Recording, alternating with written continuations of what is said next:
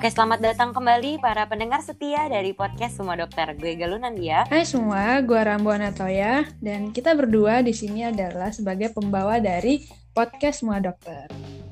Uhuh, Oke, jadi selamat kita mau ngucapin dulu nih selamat pagi, selamat siang, selamat sore dan juga selamat malam buat siapa pun yang mendengarkan di mana pun dan kapan pun kalian berada. Semoga kalian masih tetap baik-baik aja dan tetap melakukan hashtag di rumah aja. Amin. Selamat datang di podcast Semua Dokter. Jadi di podcast ini sebenarnya harapannya adalah agar semua informasi yang kita sampaikan di sini di podcast Semua Dokter ini harapannya adalah agar bisa menjadi berguna bagi siapa pun yang mendengarkan. Sehingga siapa pun yang mendengarkan dapat menjadi dokter di lingkungannya sebagai agen preventif dan juga agen pencegahan. Eh, agen preventif sama agen pencegahan sama agen pencegahan Agen dan juga agen edukasi, betul. Iya betul Nah. banget. Today kita bakal upgrading ke semua dokter yang ada di lingkungannya masing-masing dengan materi mengenal sistem imunitas imunitas. Jadi kita bakal mengenal sistem imunitas yang ada dalam tubuh manusia. Tapi sebelumnya karena kita masih dalam dalam waktu Pandemi. pandemik ya benar pandemik dari Mhm. corona kita bakal melakukan kembali pendataan dari kasus-kasus corona yang sudah terlapor nggak cuma di Indonesia tapi juga di dunia yang bakal dibawakan oleh Toya. Silahkan Toya. Oke, makasih Galuh. Yoi. kita datanya kita mengambil dari Worldometer. Nanti eh, linknya kita sertakan ya di deskripsinya. deskripsi betul. Iya, oke. Jadi eh, untuk update-nya COVID-19 ini sampai Jumat hari ini tanggal 24 April 2020 jam 12.44 ter terdata jumlah kasus di dunia itu sudah mencapai 2.726.188 kasus. Hmm, Wow. wow. hebat banget. Dengan kematian dengan kematian 191.074 kematian dan sem- jumlah sembuh eh, mencapai 749.654. Nah, eh, untuk yang prestasi nih dengan yang eh, ter- tertinggi dengan negara-negara dengan eh, kasus tertinggi itu ada untuk tiga peringkat tertinggi itu ada Amerika Serikat, Spanyol dan Italia. Kalau untuk di Indonesia sendiri em, sudah tercatat eh, untuk jumlah kasusnya ada sudah mencapai 7.775 kasus dengan kematian 647 dan sembuh 960. Jadi Wow, emang. Mm-mm, jadi emang kasusnya itu emang sampai hari ini tuh terus-terusan meningkat gitu. Tapi syukurnya eh, angka kesembuhannya juga meningkat. Tuh, Betul. Nah, Kita juga mau shout out ya. Kita gue sama Toya Hmm. pribadi sebenarnya mau shout out buat siapa pun yang ber ngebantu at- dan juga apa ya berperan penting dalam eh, mengurangi angka kematian dan juga meningkatkan dari angka kesembuhan dan gak melulu tenaga kesehatan ya maksudnya memang tenaga medis memang jadi lini pertama Emang, tapi mm. kalian sendiri pun yang yang masih melakukan hashtag di rumah aja juga berperan penting ya Toy benar dalam Bener banget, bener banget. Jadi meningkatkan jangan- dari kasus eh, penurunan dari kasus kematiannya dan juga meningkatkan dari kasus kesembuhannya. Iya bener banget. Jadi jangan bosan-bosan ya untuk tetap di rumah aja sampai Betul. Sampai sampai masalahnya itu benar-benar selesai. Gitu. Betul. Oke, Iya. sebelum terlalu lama, kita bakal masuk lanjut ke topik utama kita, upgrading kita kali ini nih. Kita Hmm. tentang mengenal sistem imun manusia. Sebenarnya sistem Iya. imun manusia nih apa sih, Toy? Oke, jadi em, nih sesuai judulnya hari ini kita tuh akan mem- melakukan deep talk tentang imunitas. Asik banget gak tuh deep talk bahasanya? Asik. Iya, bener banget. Jadi, uh, tapi sebelum sebelum kita masuk ke deep talk ini, kita kenalan dulu nih sama si imunitas ini. Nah, kalau kita kalau kita balik lagi ke ep- episode kemarin yaitu tentang vaksin dan imunisasi, kita kemarin sempat membahas tentang bahwa tubuh kita itu mempunyai kemampuan untuk mempertahankan diri dari berbagai penyakit, terutama dari penyakit akibat infeksi. Gitu. Mm. Jadi untuk pertahanan itu sendiri namanya imunitas. Nah, imunitas ini bentuknya ada yang molekul, ada yang sel, dan ada yang jaringan. Nah, Mhm. kumpulan dari dari molekul, sel, dan jaringan ini nanti yang akan membentuk sistem imun tubuh kita atau sistem kekebalan tubuh kita. Nah, itu pengertian dari imunitas. Nah, dalam tubuh Mhm. kita ini imunitas itu ada ada dua jenis. Ada yang imunitas alami dan ada juga imunitas yang adaptif atau didapat. Nah, kalau untuk imunitas yang alami ini atau imunitas bawaan itu adalah imunitas yang sudah ada dalam tubuh kita sejak lahir. Gitu. Jadi um, selain itu, um, imunitas alami ini sering kita sebut juga sebagai imunitas yang non spesifik, di mana hmm. dia sebagai pertahanan terhadap semua jenis mikroba secara umum gitu. Hmm. Nah, hmm, jadi bisa dikatakan bahwa uh, imunitas bawaan ini atau imunitas non spesifik ini sebagai pertahanan pertama uh, pertahanan pertama tubuh kita karena dia menghambat masuknya mikroba atau kalau misalnya mikroba itu berhasil masuk dia nanti akan mengeliminasi atau menghancurkan mikroba-mikroba tersebut. Nah, hmm. untuk imunitas yang alami ini contohnya ada kulit, ada mukosa, ada asam lambung, ada sistem komplement, ada sel-sel fagosit dan lain sebagainya. Nanti akan dijelaskan di belakang. Nah, selain itu uh, kalau imunitas alami itu dia uh, merupakan imunitas yang non spesifik, nah imunitas yang adaptif atau yang didapat ini dia merupakan bentuk pertahanan yang spesifiknya. Gitu. Jadi dia pertahanan hmm. yang lebih terspesialisasi, lebih khusus gitu. Dia lebih dan biasanya dia lebih kuat juga gitu. Nah, kenapa? Jadi dia kayak punya beda-beda mekanisme buat ngebunuh hmm. dari mikroorganismenya gitu bener ya. banget, bener okay, banget okay. gitu.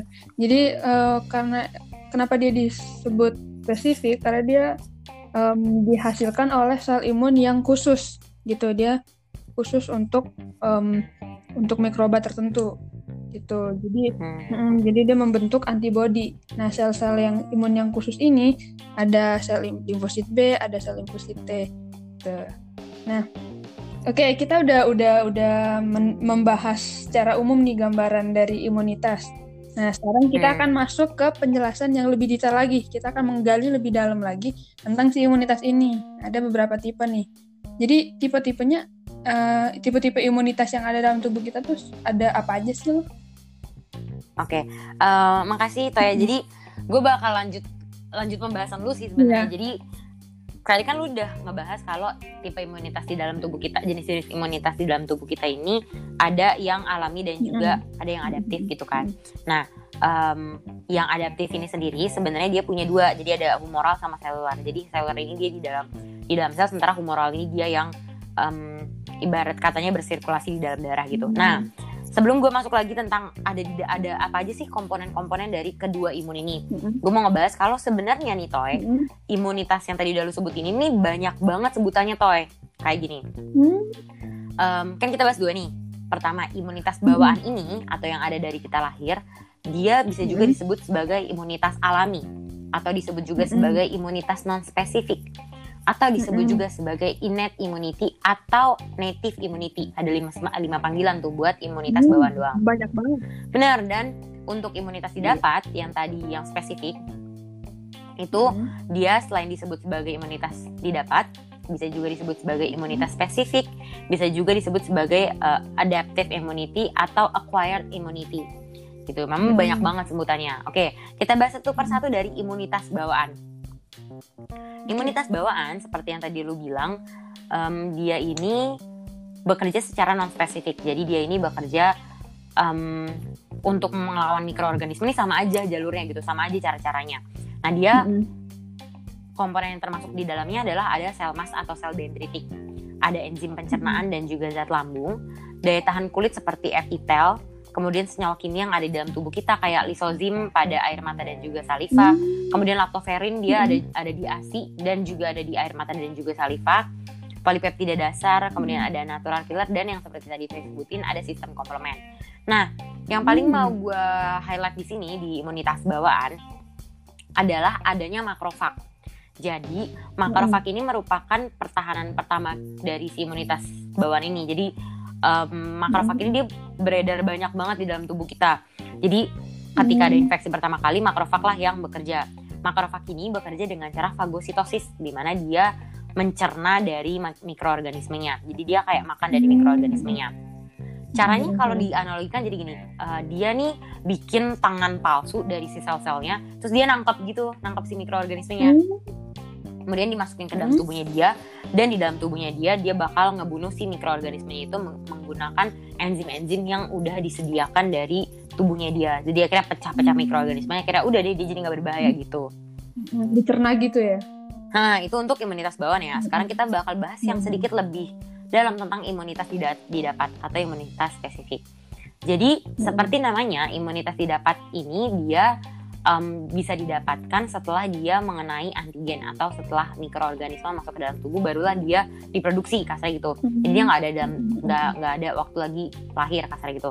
Nah seperti namanya juga karena dia spesifik dia bekerja eh, spesifik dengan jalurnya tertentu pada mikroorganisme yang berbeda. Nah, ada dua sel yang berperan di dalam imunitas didapat ini, Toy. Sel limfosit T dan juga sel limfosit B. Dihasilkan dari mana sih kedua ini? Jadi, sel limfosit T dan juga sel limfosit B ini keduanya sama-sama dihasilkan dari sumsum -sum tulang. Di sumsum -sum tulang ini terdapat sel punca atau stem cell yang disebut sebagai LSC atau limbal stem cell. Nah, si limbal stem cell ini nantinya dia bakal menghasilkan limfosit T dan juga si limfosit B. Bedanya adalah pematangannya. Jadi ketika limfosit T dia bakal dimatangkan di timus. Sementara limfosit B semuanya dia bakal uh, dimatangkan di bone marrow atau di sumsum -sum tulang gitu.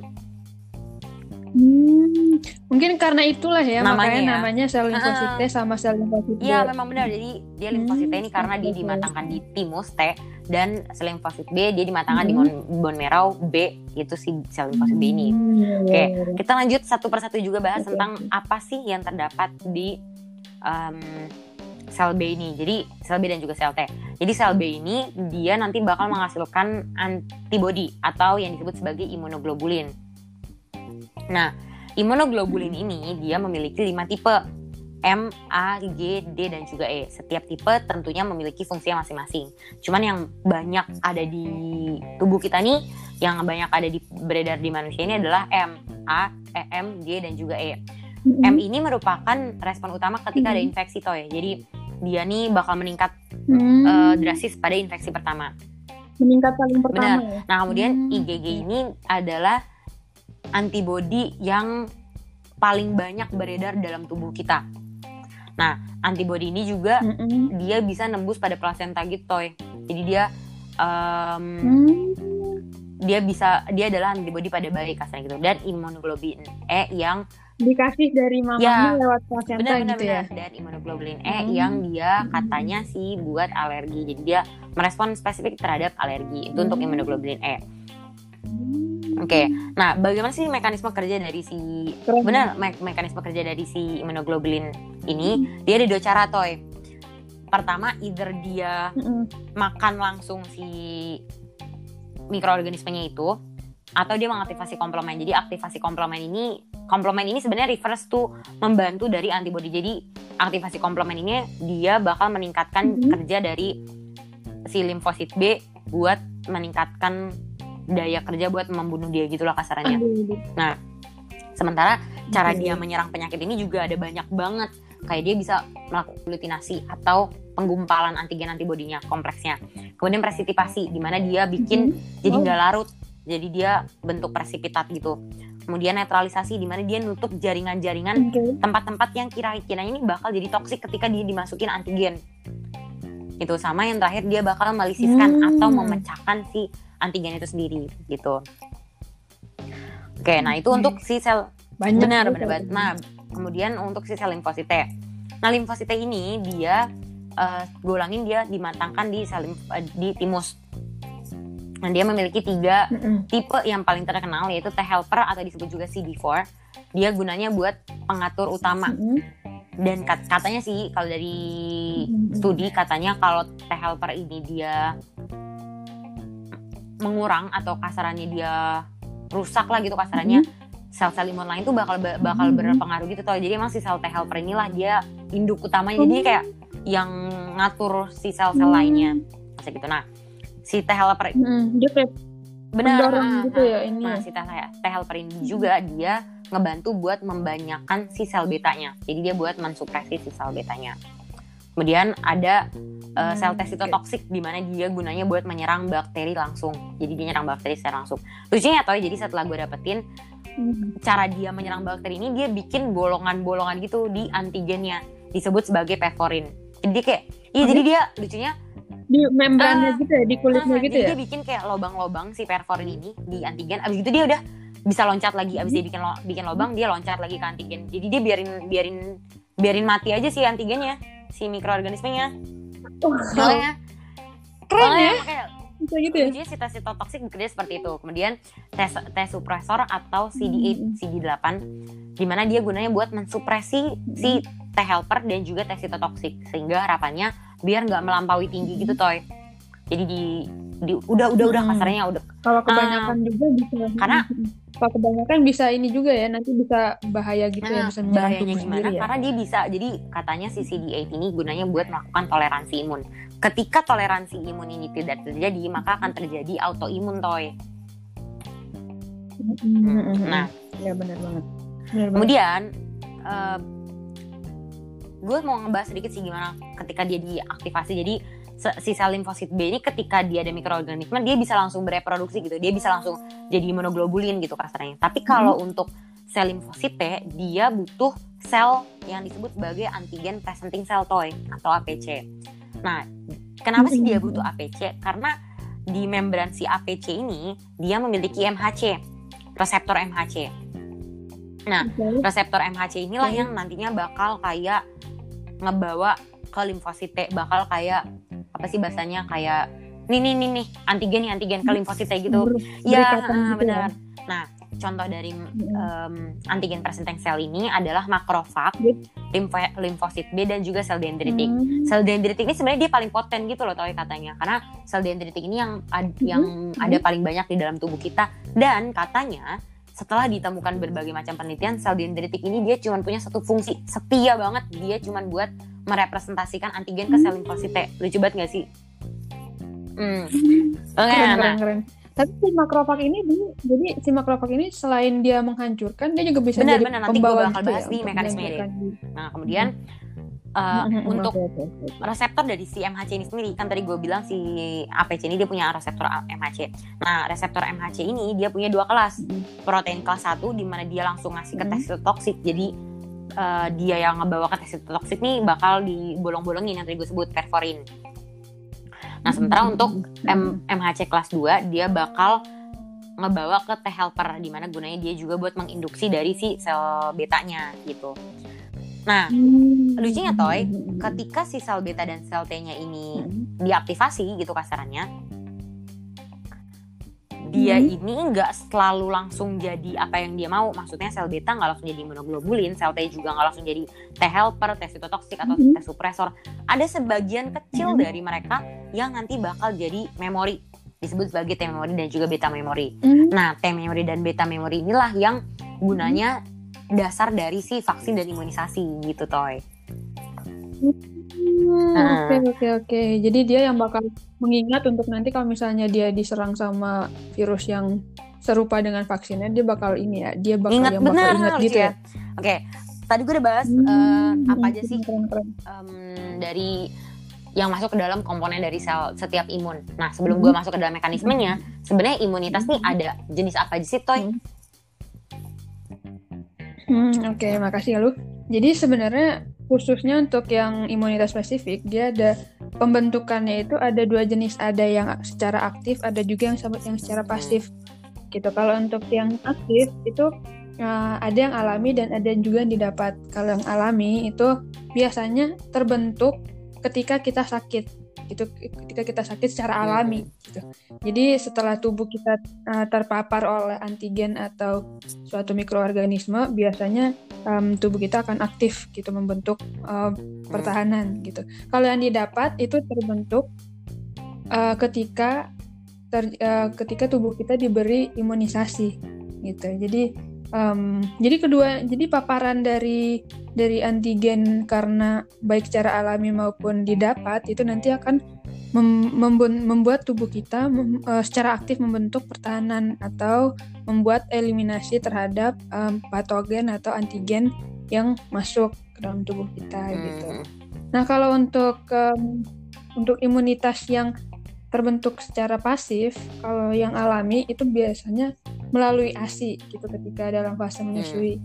Gitu. Kalau untuk yang didapat em, biasanya itu melalui pemberian Didapat atau antibody pasif nih? atau serum gitu dari yang pasif. Eh ya, yang didapat yang yang pasif Oh Tapi iya, oke didapat. oke oke oke. Gitu. Oke. Maksud gue. Dapat, dapat. imunitas pasif, imunitas pembentukan imunitas yang pasif, tapi Oh, oke. didapat. Dapat, dapat. gitu. Oke. Terus Mm. Mm, ya gitu deh melalui, melalui pemberian antibodi atau Hmm. serum. Tuh biasanya dari individu yang yang uh, tubuhnya udah membentuk antibodi ke yang belum gitu. Contohnya kalau misalnya kalau misalnya uh, ceritanya gue udah terbentuk nih antibodinya, terus gue um, gue donorin antibodinya Hmm. ke lu. Kalau cer- misalnya ceritanya ceritanya lu somehow belum belum terbentuk gitu kan Hmm. antibodinya. Nah, gue donorin ke lu dengan melalui um, infus antibody atau infus sel T yang udah teraktivasi Hmm. gitu. Jadi um, jadi gue kayak ngasih bala bantuan antibody gitulah. Jadi walaupun lu belum belum walaupun walaupun tubuh lu nggak bisa membentuk antibody, tubuh lu akan tetap terlindungi gitu dari penyakit yang mungkin Oh. pasti gitu. Jadi kayak gue gue kayak melindungi lu dengan darah gue gitu. Tau banget gak sih? Terbaik lah Toy, oke. gitu tapi tapi em, imunitas yang pasif yang ini yang didapat ini dia sifatnya nggak permanen dia cuma Maksudnya sementara kayak- kayak gitu dia bakal kan- hilang bakal habis dalam dalam waktu dia Oke, maksudnya Hmm. itu kan emang antibody lu gitu kan. Jadi kalau misalnya emang antibody lu dalam tubuh gua udah hilang ya ya berarti hilang aja gitu ya gak sih? Heeh. iya iya bener banget bener banget jadi dia bakal bakal habis dalam waktu 2 sampai kira-kira 2 sampai tiga minggu Hmm, gitu. Oke oke.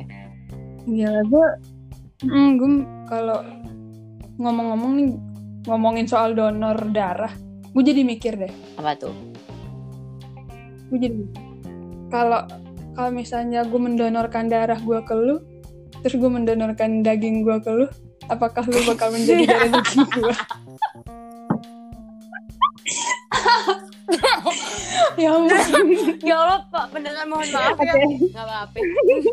gue juga ketawa lagi oke oke itu itu random banget oke oke Udah lanjut. oke oke lanjut lanjut lanjut Gak itu terlalu ya. random Bridging sebentar lah ya buat pendengar. Oke. Terbaik lah Toy. Oke, kita bakal bahas nih lanjut tentang mekanismenya. Tadi kan gue bahas nih juga kan saya semasuk kita bakal bahas tentang mekanismenya. Oke. Oke. Gila Toy, gue masih gue masih kepikiran darah daging sialan. Oke. Mekanisme guys, kita bahas mekanisme. Jadi, teman-teman pendengar, oke. si mekanisme ini terjadi em, ketika ada mikroorganisme yang masuk ke dalam tubuh kalian.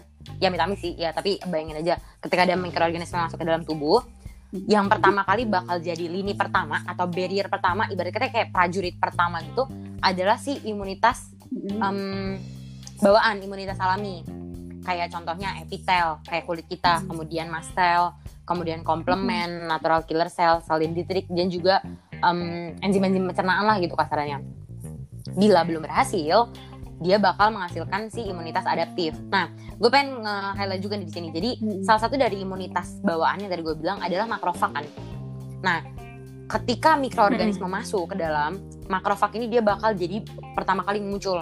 Nah, to-do list dari si makrofag ini yang bakal dilakukan makrofag ini adalah pertama, dia bakal makan atau memfagositosis dari si bakterinya. Kedua, dia bakal membawa bakteri ke limfosit. Jadi si mikroorganismenya ini eh si makrofag ini dia bakal berperan sebagai antigen presenting cell. Jadi dia di sini jadi antigen presenting cell. Nah, pembawa kemudian gitu ya. Ketiga dia bakal mensintesis interleukin buat meningkatkan dari imunitas yang eh, didapat. Jadi dia bakal meningkatkan sintesis dari si limfositoid gitu. Nah, jadi Hmm. dalam kurun waktu jam mm, dari semenjak dapat dari infeksinya sampai 24 jam lah ya terhitung yang paling aktif bekerja adalah in- Mhm. imunitas dari bawaan sementara dalam kurun waktu hari setelah limfosit sudah siap untuk dikeluarkan diluncurkan kasarannya barulah eh, imunitas adaptif yang bekerja keras dalam membunuh dari si mikroorganismenya Mhm. begitu caranya. Oke. Sebagai kesimpulannya gue mau nyimpulin sebelum terlalu banyak. Sebagai kesimpulannya imunitas kita ini adalah eh, bagaimana caranya adalah pertahanan terhadap penyakitnya sih sistem-sistem terhadap penyakit. Dia bisa berupa sel jaringan dan juga molekul. Nah gabungan dari sel jaringan dan juga molekul itu disebut sebagai disebut sebagai sistem imun nah sistem imun kita ini dibagi menjadi dua alami dan juga bawaan baik alami maupun bawaan keduanya memiliki banyak sekali sebutan dan juga banyak sekali komponen Hmm. bahas sedikit tentang alami. Jadi kalau alami ini dia sudah ada sejak lahir dan dia disebut sebagai non spesifik karena dia bekerja Mm-mm. sama aja bagaimanapun caranya ke mikroorganisme. Jadi setiap mikroorganisme yang berbeda pun cara mereka melawan sama Betul. gitu kasarannya. Seperti contohnya sel Betul. dendritik, kemudian sel makrofag yang paling banyak ada di dalam tubuh kita, kemudian kimia yang ada di dalam tubuh kita, Hmm. kemudian epitel yang tadi udah dijelasin di sebelumnya. Kemudian sementara untuk imunitas em, didapat yang sebutnya ada banyak juga, dia disebut Hmm. didapat karena dia baru muncul setelah adanya antigen. Kemudian imunitas didapat ini betul. juga disebut sebagai imunitas spesifik karena dia bekerja secara spesifik melawan setiap mikroorganisme yang berbeda. Nah, di dalam eh, imunitas bawaan ini dia ada dua, limfosit beta yang akhirnya menghasilkan antibodi atau yang disebut sebagai imunoglobulin yang memiliki lima tipe yang masing-masing memiliki fungsi yang berbeda, tapi paling banyak dalam tubuh kita M, G dan juga. E. Kemudian limfosit T yang dia menghasilkan tiga tipe, T sitotoksik, T helper dan juga em, T supresor ya.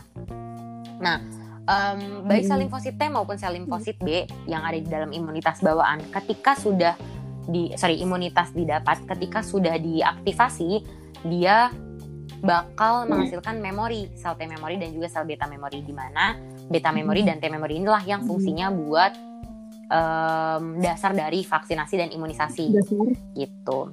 Oke, sebagai penutupnya kawan-kawan karena ini sebelum terlalu panjang podcastnya. Udah Iya, panjang betul. banget sih ini Imunitas sebenarnya. ini penting kawan-kawan, apalagi kita masih dalam pandemi corona. Hmm, Oleh karenanya kita kembali lagi menghimbau Hmm, betul. untuk tetap melakukan PHBS atau pola hidup bersih dan sehat. Apa itu PHBS? Yaitu adalah dengan Betul. olahraga, kemudian makan sayur-sayuran, makan buah-buahan, minum vitamin atau Mm-mm. apa pun yang fungsinya buat meningkatkan Hmm, daya benar. imunitas. Dan tentunya juga kita masih tetap menghimbau Hmm, teman-teman buat melakukan hashtag di rumah aja demi mengurangi angka kasus terlapor di pandemi corona ini dan juga biar cepat-cepat nih pandemi corona ini kasarnya cepat kelar ya nggak sih Toy? Hmm, benar banget, Benar benar Toy gitu. Hmm. Nah, Iya, selain itu kita juga mau ngucapin, gue sama Galuh mau, mau ngucapin selamat Hari Kartini buat semua perempuan-perempuan hebat Tuh, yang ada di Indonesia. Tetap semangat, semangat terus mempertahankan terang yang udah dibawa sama Ibu Kartini oke. gitu. Dan selamat selamat men- menjalankan ibadah puasa juga bagi teman-teman yang menjalankannya. Jangan lupa tekan godaan teman-teman. Oke baik. Terima kasih. Ya terima kasih teman-teman udah Oke terima kasih. Toya. Terima kasih teman-teman juga sudah Mm-mm. mendengarkan dan terima kasih sudah setia tentunya ya Toya jadi pendengar setia kita. Jangan lupa kalau kalian ngerasa podcast ini eh, berguna kemudian podcast ini bermanfaat. Pastinya dong. Jangan lupa di share ke teman-teman kalian, ke lingkungan kalian, ke pacar kalian, ke lingkungan bahkan ke WhatsApp, ke WhatsApp orang tua dan WhatsApp keluarga ya nggak sih? Atau karena keluarga setiap dong. dari kita bisa menjadi dokter di lingkungannya masing-masing sebagai Dokter. agen pencegahan dan juga agen edukasi. Oke, jangan lupa untuk tetap menjadi dokter di lingkungannya masing-masing dan sampai jumpa di episode selanjutnya. Terima kasih teman-teman mendengar.